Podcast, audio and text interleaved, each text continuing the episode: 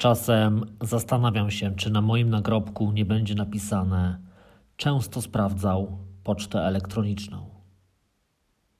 Dzień dobry, dzień dobry. Tu Łukasz Dominikowski w 11 już odcinku podcastu Efektywny Online, gdzie dzielę się z Tobą sprawdzonymi sposobami, by być bardziej efektywnym i produktywnym w pracy online.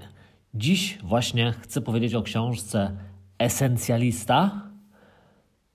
Powiem, czym jest sztuka odmawiania, powiem, dlaczego warto być niedostępnym, czemu nie warto pomagać, jak ustalać priorytety i jeszcze o masie, masie innych rzeczy, których można nauczyć się z tejże właśnie książki.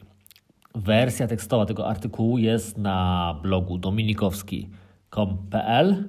Tam też można pobrać e-booka z moimi czterema najlepszymi sposobami na zwiększenie efektywności.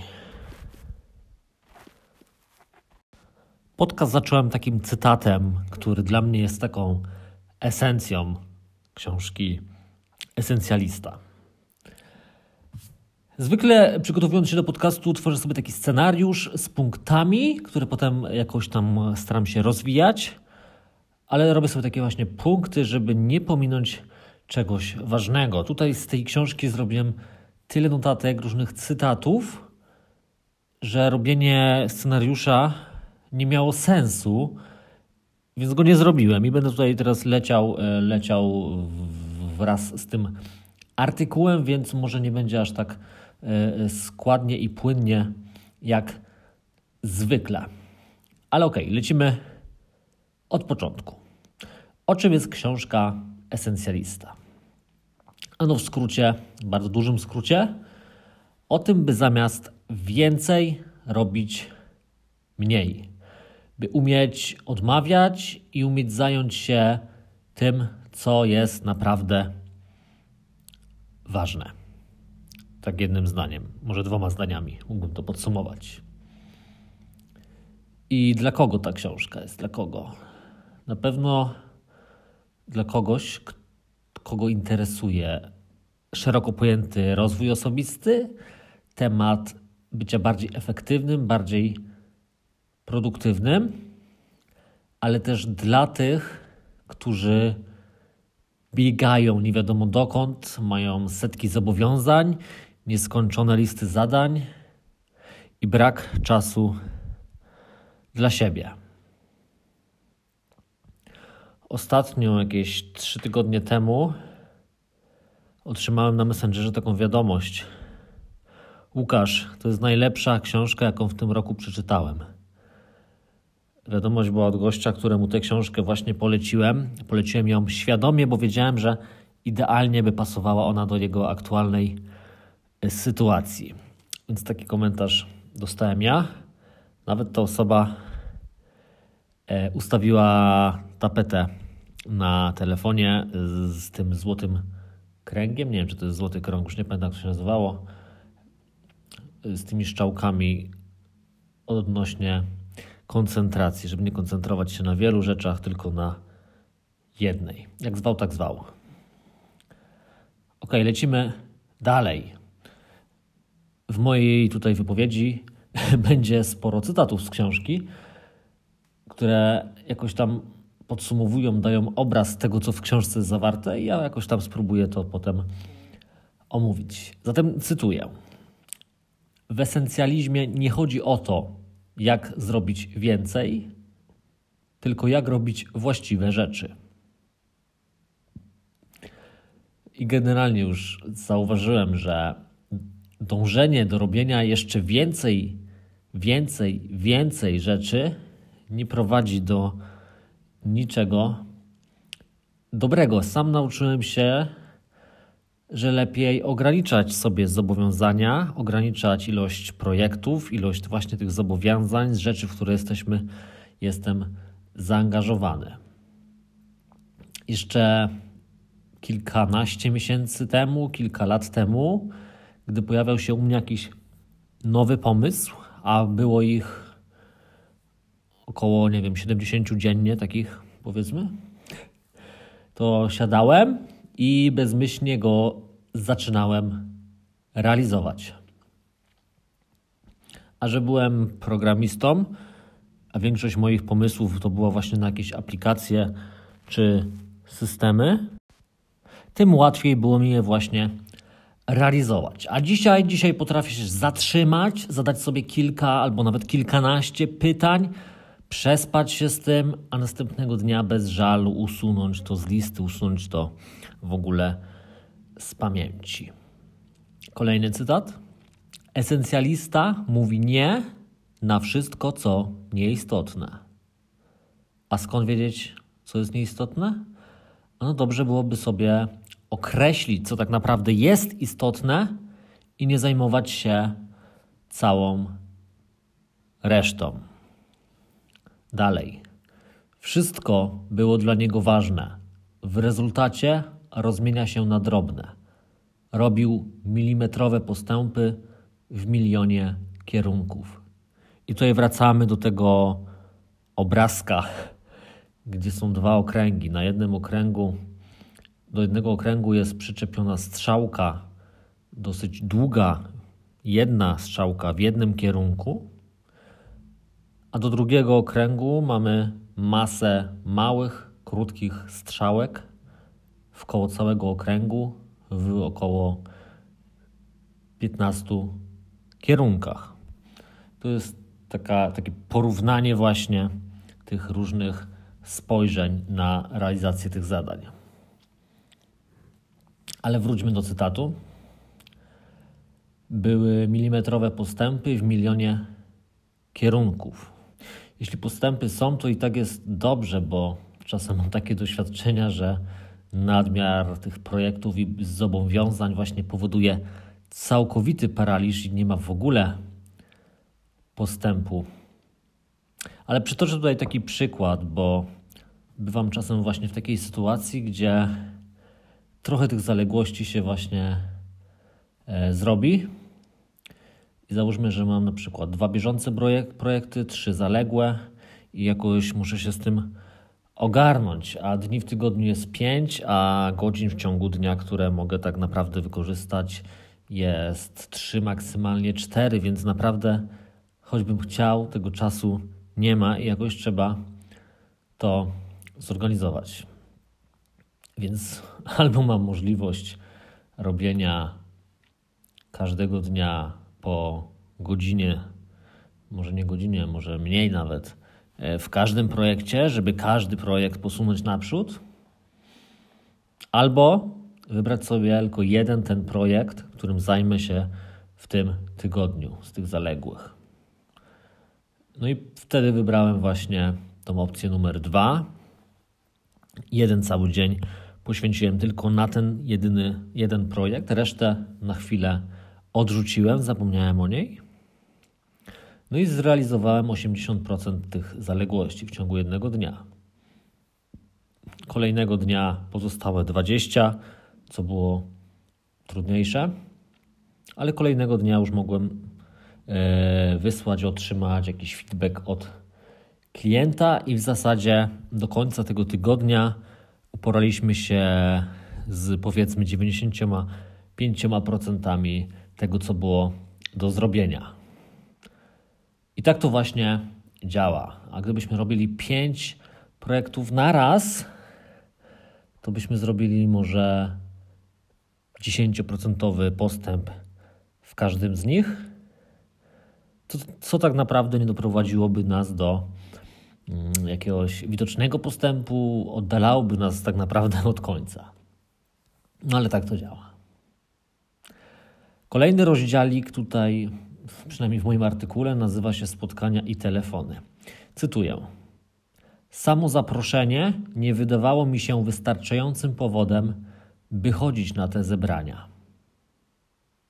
Ja akurat nie chodzę na zebrania, bo, bo nie mam e, gdzie, nie mam z kim, nie mam do kogo, ale właśnie często słyszę, że tym problemem w różnych korporacjach są te spotkania, spotkania poranne, codziennie, które nic nie wnoszą, każdy musi być i marnować na nich e, czas.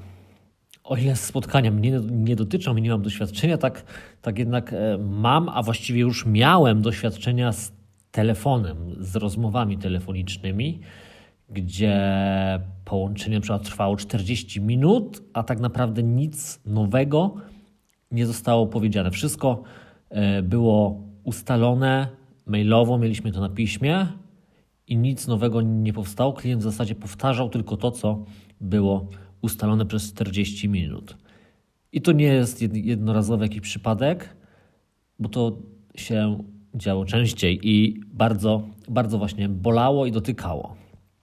Teraz, e, teraz, teraz aktualnie już praktycznie wyeliminowałem całkowicie, może nie na 100%, ale prawie całkowicie telefon z komunikacji z klientami. Żeby to zrobić, no to, to był oczywiście proces, ale wcześniej, jeśli, jeśli zapowiadała się jakaś rozmowa, to prosiłem o jakieś przysłanie listy tematów do omówienia, czy, czy, czy w ogóle o czym mamy rozmawiać i tak dalej, i tak dalej, żeby, żeby ta rozmowa była jakaś usystematyzowana. I problemem było właśnie to, podsumowując i nawiązując do cytatu, dzwoniący telefon też nie jest dla mnie wystarczającym powodem, by go odebrać. Więc przejdźmy dalej. Jeżeli sam nie ustalisz priorytetów w swoim życiu, ktoś inny zrobi to za ciebie. Mam wrażenie, że ten cytat nie tylko w tej książce się pojawiał, bo on gdzieś często jakoś był parafrazowany, gdzieś przetaczany w różnych innych treściach, artykułach, materiałach. Wystarczy wpaść w wir pracy, pogoń, gdzieś za jakimś sukcesem, za pieniędzmi i pozamiatane. Niewiele zostanie czasu dla siebie. A mając własną działalność, i to mówię z doświadczenia, może być jeszcze gorzej, bo mamy nielimitowany czas pracy i za, zaczynamy na przykład od 8, od zajrzenia na Face'a, potem poczta, jakieś faktury, robi się godzina 13. E, zaczynamy robić przerwę, coś zjeść, potem blok pracy, zaczynam znowu social media, które zabierają kolejne, kolejne godziny. Potem robi się ciemno i nagle zdajesz sobie sprawę, że nie zrobiłem, nie zrobiłeś nic pożytecznego. Tak jest właśnie, jak się zaczyna dzień od tych rzeczy najmniej istotnych, które są proste, przyjemne, ale nie wnoszą jako takiej e, wartości. Stąd też właśnie takie ważne jest określanie, określanie priorytetów, określanie swoich priorytetów, tego co jest do zrobienia na dany dzień. Lecimy dalej. Ile masz priorytetów? Cytuję. Słowo priorytet pojawiło się w języku angielskim w XV wieku. Oznaczało pierwszą lub najważniejszą rzecz. Przez pięć stuleci funkcjonowało wyłącznie w liczbie pojedynczej. Dopiero w XX wieku wymyśliliśmy liczbę mnogą i zaczęliśmy mówić o priorytetach. No właśnie, no właśnie, możesz się pochwalić gdzieś tam w komentarzu na blogu, ile masz priorytetów, podkreślam, priorytetów na swojej liście. No właśnie, ta lista, lista tych najważniejszych rzeczy, tych priorytetów, może wymaga właśnie sprawdzenia, przejrzenia jej i z tych priorytetów wybrać kolejne priorytety, Czyli z całej tej listy wybrać jedno, dwa, może te trzy zadania, które są naprawdę najważniejsze, które wymagają zrobienia. Zależy, jaki masz też system tego priorytetyzowania. Ale, ale nie, wiem, że niektórzy praktykują coś takiego, że z każdego właśnie projektu wybierają sobie jakiś tam priorytet, co nie jest może złe, tylko że potem wszystko to wisi na jednej liście tych priorytetów. A z doświadczenia zauważyłem też, że najlepiej mi się planuje, organizuje dzień i pracuję w ciągu tego dnia, gdy wiem, że mam dziś do zrobienia tylko jedną, jedyną rzecz. Oczywiście tych rzeczy robię więcej, ale wiem, że dzień można będzie udać, uznać za udany, jeśli zrobię tę jedną, jedyną rzecz, czyli priorytet w liczbie pojedynczej.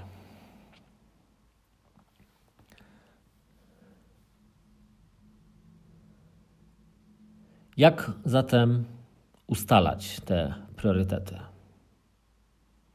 Jakiś czas temu właśnie przechodziłem przez to i robiłem sobie to po swojemu. Po prostu wypisałem wszystkie moje zobowiązania, projekty, wizje, zadania, pomysły i jakoś to tam uporządkowałem, pogrupowałem, żebym wiedział na czym się skupić, co odłożyć na później, co można delegować, porzucić, usunąć. Ale, ale dopiero później, po jakimś czasie, jak już to zrobiłem, trafiłem na taką metodę, dość znaną, mi się wydaje, metodę Eisenhowera, którą fajnie opisał w swoim artykule Jacek Kłosiński, w artykule Jak ustalić priorytety, 6 metod. I, I to mi właśnie przypomniało, że można to zrobić było w trochę bardziej prosty sposób. I po tym, jak ten artykuł przeczytałem, zrobiłem to jeszcze raz w ten prostszy sposób. I, i tak, fajny, fajny obraz mi to dało. Ja nie będę teraz mówił, co to jest macierz Eisenhowera.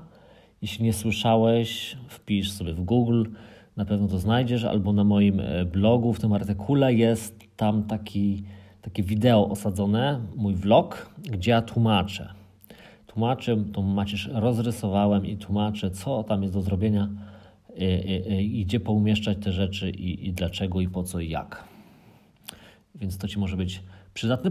Jeszcze tam jest też podlinkowany ten artykuł Jacka, gdzie oprócz macierzy jest pięć pozostałych innych różnych metod, sposobów na określanie priorytetów. Wydaje mi się, że to jest bardzo, bardzo przydatne. Dalej. Ile godzin dziś spałeś? Taki tytuł. I cytuję. Co by się stało, gdybyśmy przestali traktować obciążenie pracą jako wyznacznik statusu? Gdybyśmy zamiast tego mogli się szczycić tym, jak dużo czasu poświęciliśmy na słuchanie, rozmyślanie, medytowanie i pielęgnowanie więzi z najważniejszymi osobami w naszym życiu. No właśnie, no właśnie.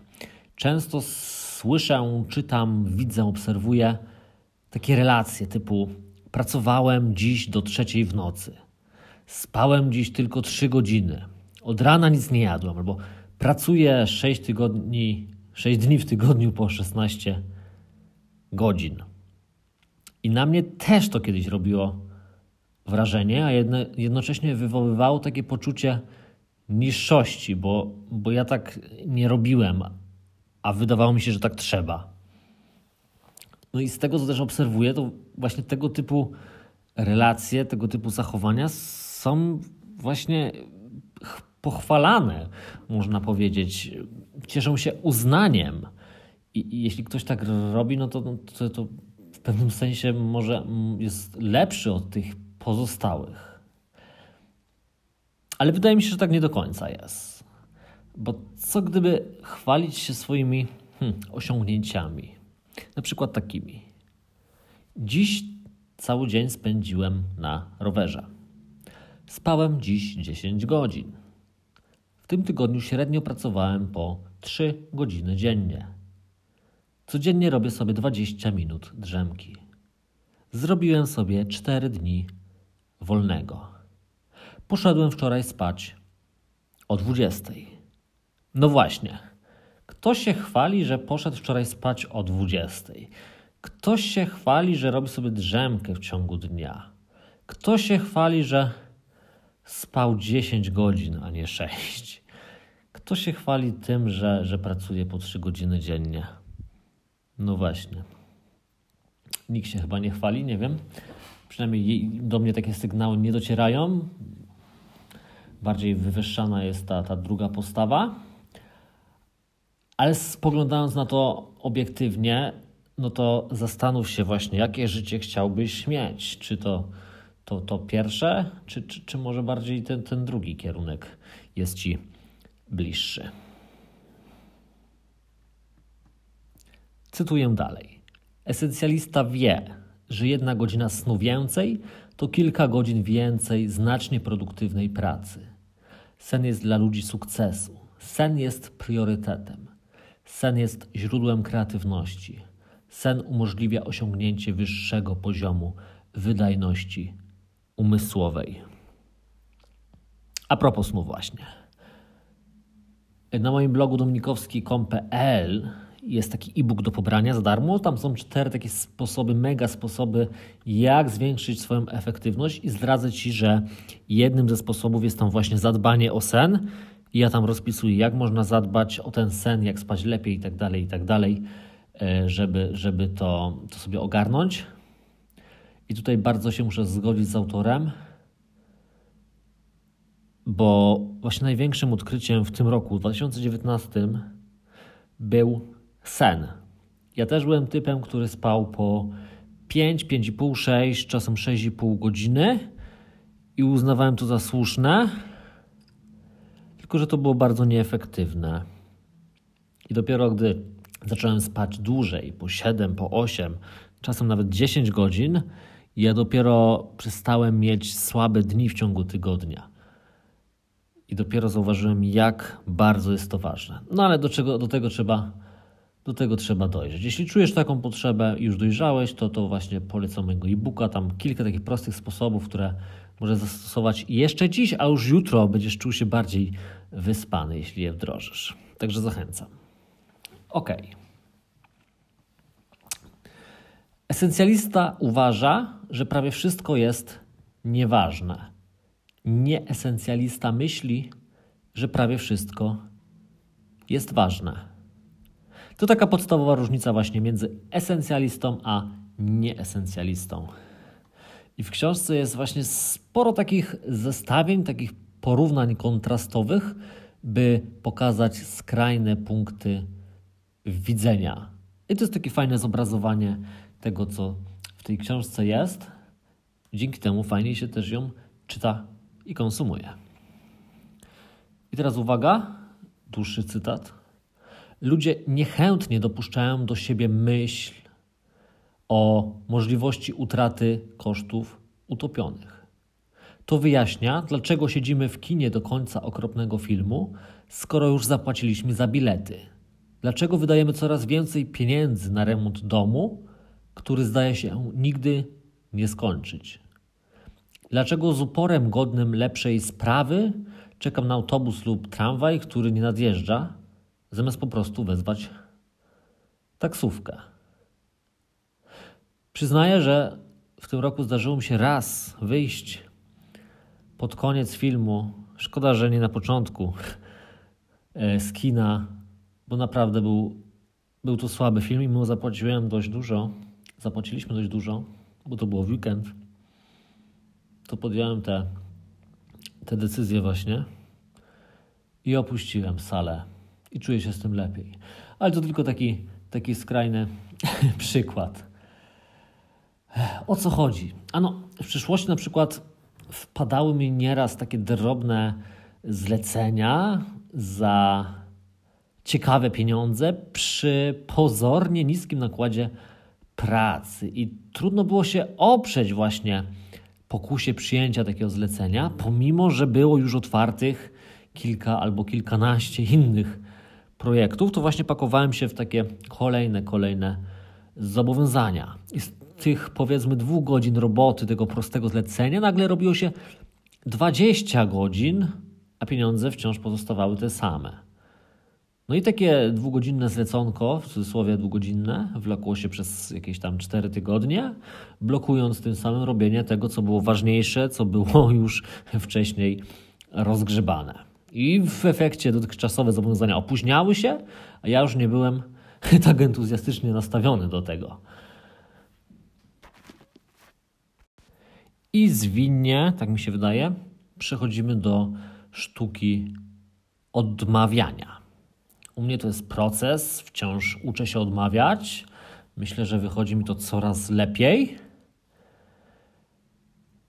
No właśnie, tylko dlaczego, dlaczego odmawiać? Dlaczego odmawiać? O co w ogóle chodzi? Przecież nieładnie jest odmawiać. Na mnie się wydaje, coraz bardziej mi się zaczyna wydawać, że nieładnie to jest zobowiązać się do czegoś, a potem nawalić. Potem nawalić, bo nadmiar obowiązków może doprowadzić właśnie do tego, że nie, nie zrealizujemy tego, do czego się zobowiązaliśmy. I teraz no, mam, mam na przykład stałych klientów, którzy często coś tam chcą ode mnie I teraz jak to takiemu dobremu klientowi, który jest, jest fajny, który płaci który czegoś potrzebuje, jak mu odmówić? Ano na przykład można odmówić mu teraz i zadeklarować, że zajmiesz się tym za miesiąc, za dwa albo nawet za trzy.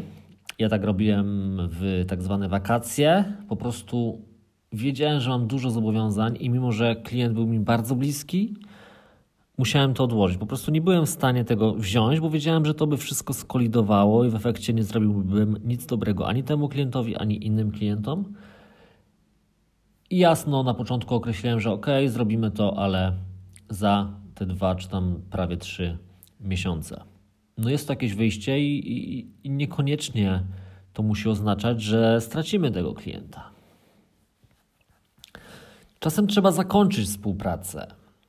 I tak też zrobiłem na początku tego roku z klientem, gdzie od dwóch lat zajmowałem się właśnie takim brzydkim projektem jego.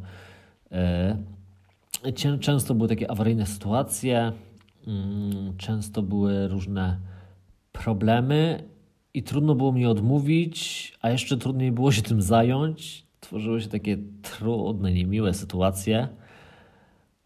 I to była niełatwa, niełatwa decyzja, ale rozstaliśmy, zakończyliśmy współpracę i, i po prostu nie zamierzam już wracać do tego klienta. Nie wiem, co mi się musiało stać, bym do niego wrócił, ale raczej, raczej nie wrócę.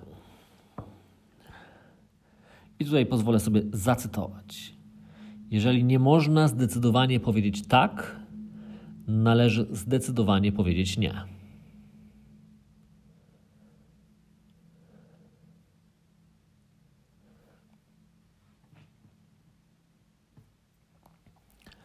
Na początku bycia tym freelancerem, którym poniekąd wciąż, jestem, łapałem się każdego zlecenia, każdego klienta, każdy grosz, złotówka, każde 50 zł było istotne, każdy nowy projekt do portfolio, każde nowe doświadczenie. Naprawdę łapałem się wszystkiego, robiłem brzydkie, obrzydliwe rzeczy, dziwaczne i za małe pieniądze. No ale e, robiłem, robiłem, łapałem co mogłem. Potem, potem z czasem przestawałem robić te gówniane, gówniane rzeczy i robiłem takie bardziej wartościowe, droższe, zdecydowanie droższe. Na przykład strony, jeśli już robiłem strony, to co najmniej za 1000 zł, co teraz i tak jest śmieszną ceną, ale wtedy to był taki krok naprzód. Bo, bo zdarzało się, że robiłem na przykład strony po 100 zł albo 350. Takie to były czasy. I, i, i dalej, dalej przy etap, że robiłem na przykład jeszcze droższe strony, po jakieś 2,5 tysiąca. Potem przed etap, że na stronach za bardzo nie zarabiałem, lepiej się czułem w aplikacjach internetowych, więc robiłem tylko aplikacje. I potem, potem sobie, sobie tak wybrałem, że, że no też jak już robić, no to robić większą aplikację, chociaż tam za 6 albo 8 tysięcy. No i tak ta moja poprzeczka się podnosiła. Potrafiłem odrzucać, odrzucać różne okazje i, i naprawdę brać tylko to, na co byłem w stanie zdecydowanie powiedzieć tak. Cytuję: Peter Drucker, prawdziwy esencjalista, był przekonany, że ludzie są efektywni, ponieważ mówią nie. I kolejny rozdział, rozpoczniemy cytaty. Trudno sobie wyobrazić, by szefowie większości firm pozwolili pracownikom przychodzić do pracy z dziećmi w poniedziałkowy poranek. Bez oporów oczekują jednak od swoich podwładnych siedzenia w biurze w soboty albo nawet w niedzielę. Cofnij sobie ten cytat jeszcze raz, przesłuchaj, bo on jest genialny. Genialnie tutaj obrazuje pewne podejście. Ja z różnym skutkiem, ale praktykuję taką zasadę, że od rana do godziny 12 pracuję w pełnym skupieniu. Mam wrażenie, że w każdym podcaście o tym mówię. E, wtedy się nie rozpraszam, staram się nie przyjmować bodźców z zewnątrz. Jestem wtedy dostępny tylko dla tych zadań, które od rana wymagam najwięcej energii, które w tym momencie realizuję. Naprawdę staram się nie, nie rozpraszać. To jest właśnie taki, taki mój sposób na to, żeby mieć jakiś taki blok czasu właśnie na te, na te y, wymagające rzeczy, zadania do zrobienia. Dalej będzie o buforze bezpieczeństwa. Też bardzo fajna technika, którą mniej lub bardziej świadomie już od jakiegoś czasu stosowałem, bo po prostu doświadczenie, praktyka mnie tego nauczyła i to na mnie wymusiła. Cytuję: Dawaj 50% do szacowanego czasu realizacji. No właśnie. W ciągu dnia mam mniej więcej takie trzy bloki czasu, trzy bloki zadań. Od rana te takie e, konkretne projekty, na przykład klientów, albo jakieś tam konkretne rzeczy do zrobienia. Potem takie kwestie organizacyjne, ogarniania, a potem taki luźniejszy czas, na przykład na te moje rzeczy. No i, i nie planuję każdej z dostępnych tam minut, czy nawet godzin e, w ciągu mojego dnia, bo mam świadomość, że zawsze, zawsze, zawsze może się wydarzyć coś nieoczekiwanego, co zepsuje mi plan. Dlatego robię sobie właśnie taką rezerwę. Bo na przykład zadanie od rana może się wydłużyć, może zostanie mi pół godzinki, będę bardzo chciał skończyć, żeby mieć już to za sobą. Może nagle będę musiał wyjechać gdzieś na półtora godziny, a może nagle się pojawi jakaś awaria, a może nagle ktoś do mnie przyjedzie i będę musiał przerwać, więc nie jestem w stanie pewnych rzeczy przewidzieć, więc po prostu planuję sobie czas na niezaplanowane zadania, tak zwane niezaplanowane. I mamy taki właśnie bufor, więc mniej więcej sobie osadzam to, że to mnie może zająć półtora godziny, to półtora godziny i mimo, że mam więcej tego czasu dostępnego, to go nie planuję. Jeśli będę chciał, mogę to zadanie robić dłużej, mogę więcej, a jak chcę, to mogę skończyć i wiem, że wtedy zdążę. Tak samo w przypadku takich dużych, dużych projektów, gdzie one nie trwają w ciągu dnia, tylko na przełomie tygodni czy czasem miesięcy, też, też, też różne rzeczy, sytuacje mogą się zdarzyć, więc lepiej mieć większy, większy bufor i większą swobodę. Jeśli dobrze pamiętam, chyba w książce tutaj był przytoczony ty, cytat, yy, przykład, którego nie mam zapisanego właśnie. Jeśli jedziemy na jakieś spotkanie czy gdziekolwiek, wyznaczamy sobie trasę w Google Maps, on nam tam na przykład wylicza godzina 12. No i ryzykowne byłoby wyjechać z domu czy z miejsca początkowego równo godzinę 12 przed. Naprawdę może zdarzyć się wiele rzeczy, które mogą nam ten plan zepsuć. Chociażby jakaś awaria na drodze, nasza, czyjaś, korek, może nie będzie gdzie zaparkować, może nie, nie będziemy mogli trafić do miejsca docelowego. Naprawdę masa rzeczy może się zdarzyć, więc ja przynajmniej, jeśli miałbym jakieś ważne, istotne spotkanie i godzinę 12 na dojazd, to ja bym sobie dał co najmniej te 30 minut takiego, takiej swobody. Wolałbym być za wcześnie, stracić to pół godziny, ale żeby się nie spóźnić i żeby wszystko się udało. Taki bufor. I dalej cytuję. Widoczny postęp jest skuteczną formą motywacji.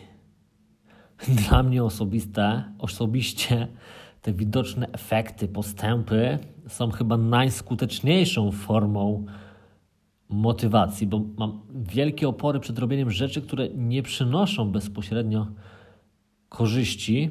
Często też takie zadania, których gratyfikacja przyjdzie właśnie później, to ja też je wolę odłożyć na później. Wolę zrobić coś, co mi da natychmiast jakiś efekt. Tak? Na przykład z rana mam klientów, dla których pracuję za roboczo godzinę i choć nie widzę efektu na przykład w pracy, bo czasem robię tylko tam jakiś mały postęp albo jakieś małe uwagi, poprawki, no to godziny naglecą, ja te godziny spisuję i ja wiem, że dostanę za ten poświęcony czas x złoty. Może nie teraz, dopiero na koniec miesiąca, ale dostanę ten x złoty, który sobie wpisuję do arkusza to jest dla mnie widoczny postęp akurat w, w formie pieniędzy. Tak samo jak robię, nie wiem, coś dla, dla siebie, czy piszę nowy artykuł, czy nagrywam, nagrywam podcast, to chciałbym, żeby x osób go zobaczyło, posłuchało tego podcastu. No. Tak samo jak publikowałem wideo, to chciałem, chciałem żeby ludzie go, je oglądali. Chciałem, żeby te cyferki rosły. Choć z drugiej strony jest to trochę błędne, znowu, że robimy coś dla cyferek, no to jednak jest to jakaś miara postępu. I na pewno jest to motywacja. Też, też mój podcast, jakbym gdybym widział, że e, nie słucha go tyle osób, ile go słucha, to miałbym mniejszą motywację, a, a może też bym już myślał o porzuceniu jego po 10 odcinkach, ale, ale na szczęście tutaj ten postęp, postęp widzę.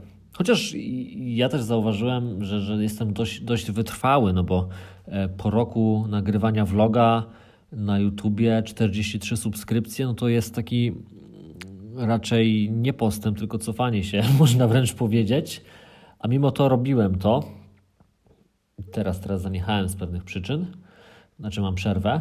Tak, nazwijmy to przerwą. No ale robiłem to i tych subskrypcji nie, przy, nie przybywały, a ja codziennie nagrywałem, codziennie nagrywałem. Tak samo no, piszę artykuły. Może, może te moje wyświetlenia nie są jakieś porywające, jeśli chodzi o ilości. No to ja robię to, robię to regularnie, bo, bo wiem, że to może przynieść jakąś tam e, korzyść w przyszłości.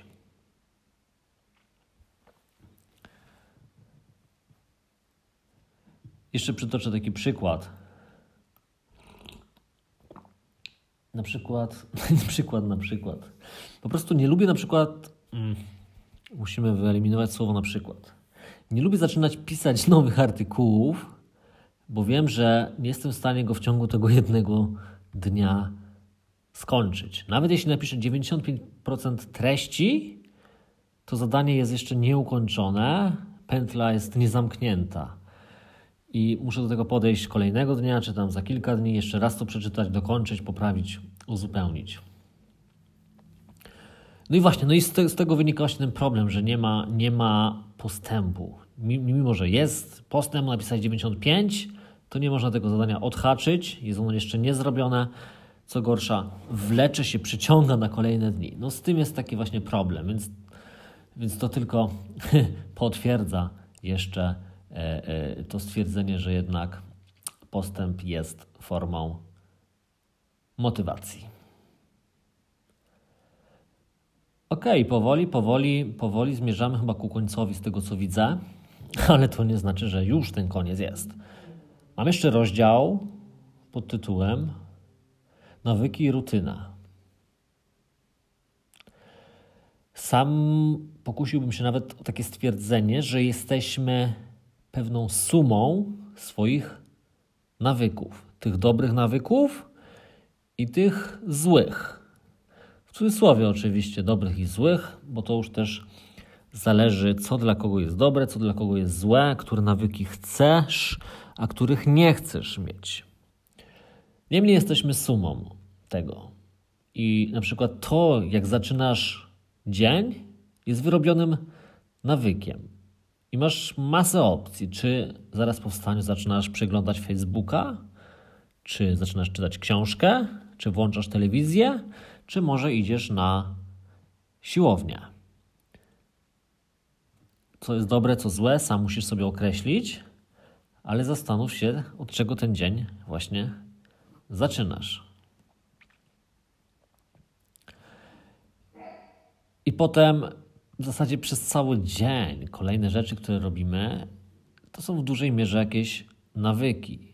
Nawet odwlekanie realizacji jakichś zadań też może być nawykiem. Nawyk po prostu przekładania, przekładania.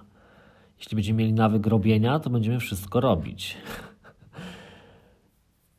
To, co sobie, jakie sobie nawyki wyrobimy, tak, tak one będą się za nami wlekły i nam robiły albo dobrze, albo źle.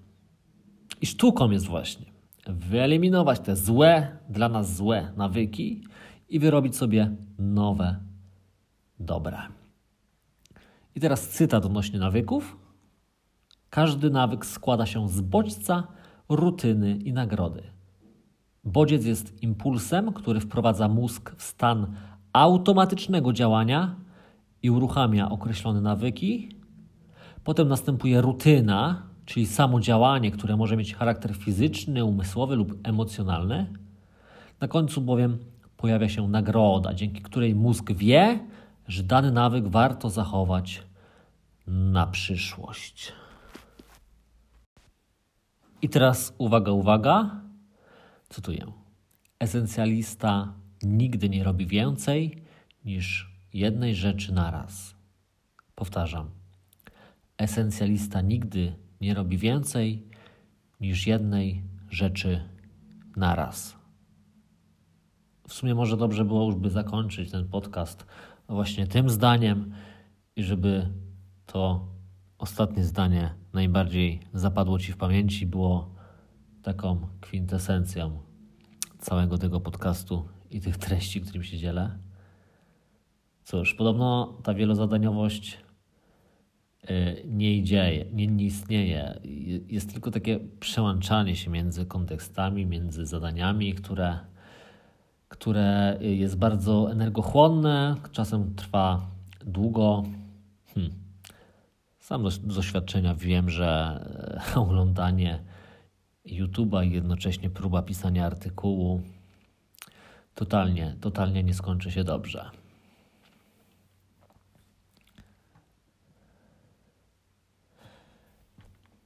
No dobra, jeśli nie tamtym cytatem, to zakończymy ten podcast tym cytatem. Uwaga. Gdybyś mógł w tej chwili robić w życiu tylko jedną rzecz, co by to było? Gdybyś mógł w tej chwili robić w życiu tylko jedną rzecz, co by to było? Z tym pytaniem Cię zostawię. Więcej już od siebie nie dodaję. Pamiętaj, pamiętaj, żeby zastanowić się nad tym pytaniem, wykonać kilka tych ćwiczeń, o których mówiłem. Może nie wprost, ale, ale było tam kilka rzeczy, które dało się by wdrożyć nawet jeszcze dzisiaj.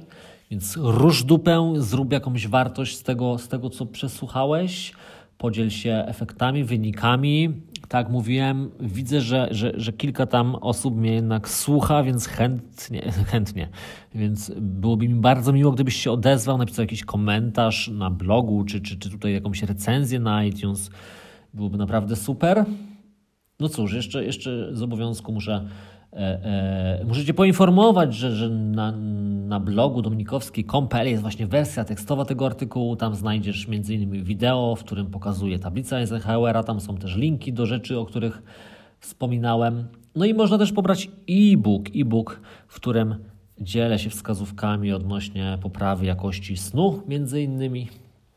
No, na koniec jeszcze e, e, e mógłbyś zasubskrybować mój podcast w swojej aplikacji. Dzięki temu będziesz dostawał kolejne odcinki, będziesz e, na bieżąco poinformowany. Tyle ode mnie. Zachęcam do działania. Słyszymy się w kolejnym odcinku. Jeszcze nie wiem na jaki temat, ale za dwa tygodnie. Do usłyszenia.